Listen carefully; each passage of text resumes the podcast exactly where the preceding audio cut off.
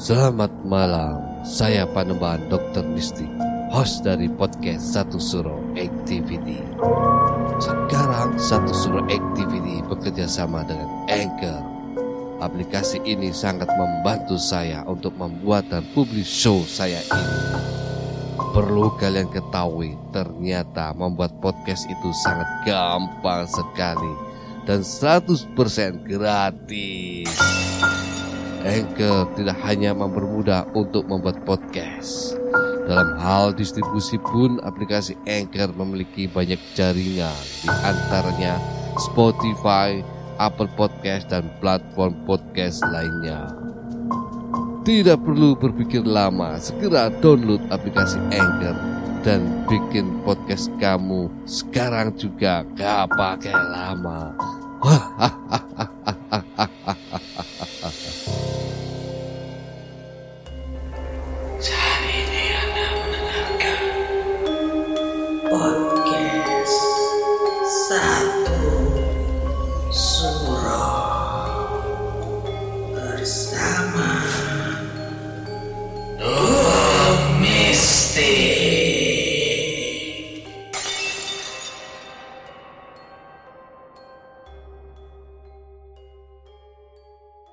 Assalamualaikum warahmatullahi wabarakatuh.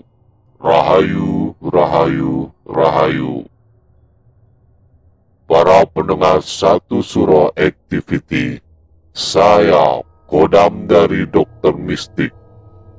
Pada malam hari ini, satu surah activity mempersembahkan segmen Kini Aku Jadi Tahu memberikan informasi mengenai mitologi bayi bajang. Selamat mendengarkan.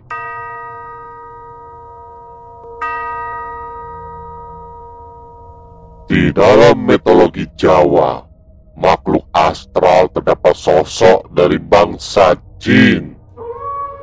Di tingkat jin level terendah, yaitu jin setan, dengan sebutan bayi bajang atau bayi ambar yang memiliki ciri fisik hampir sama dengan tuyul. Hanya memiliki wajah yang tua, kepala besar dan badan seperti janin. Kemudian sekelompok masyarakat Jawa memumbui hal tersebut dengan cerita-cerita mistis. Bayi Ambar adalah arwah dari bayi hasil aborsi. Bahkan ditambahkan cerita bahwa bayi Ambar atau bayi Bajang hingga saat ini masih terus mencari ibunya untuk bertanya kenapa mereka digugurkan.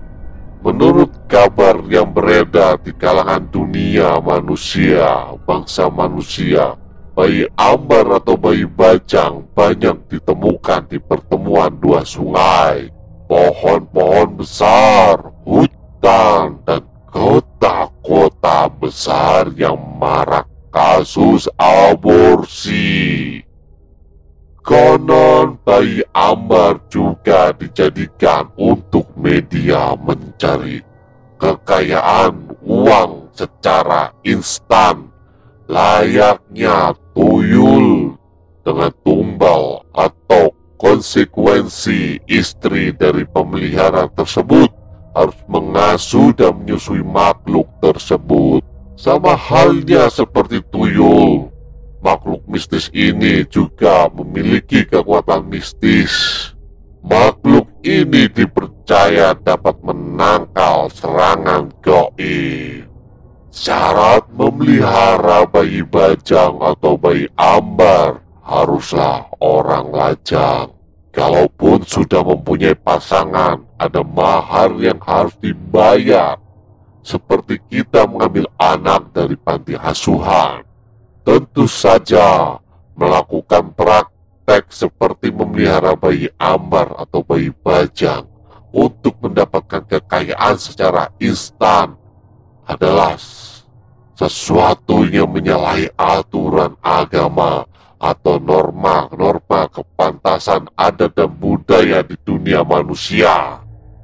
Menurut mitos, bayi Amar atau bayi Bajang akan terus mencari orang tuanya.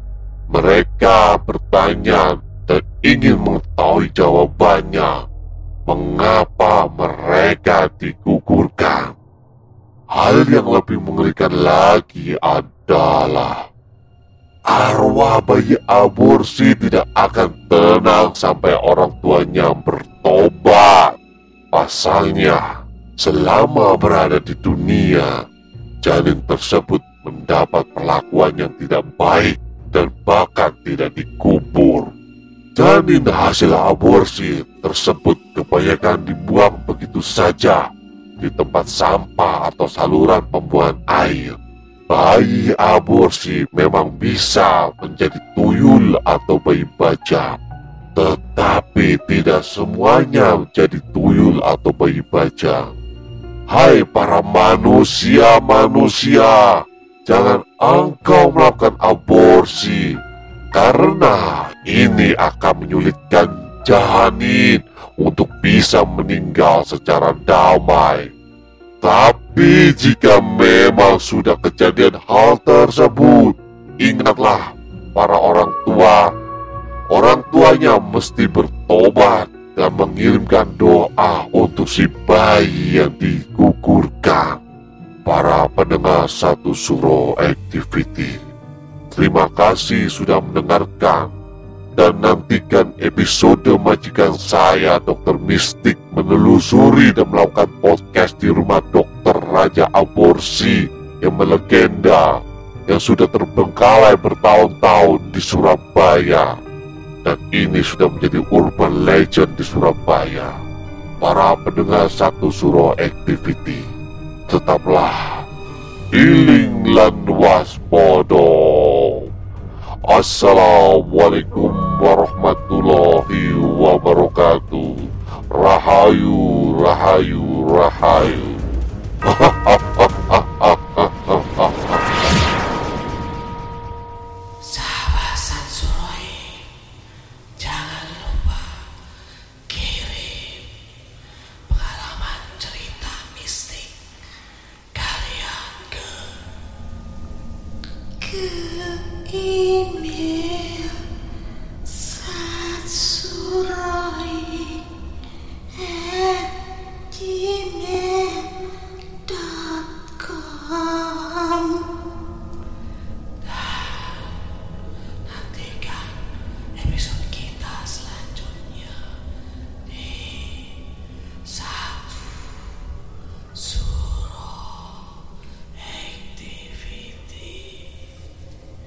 And I.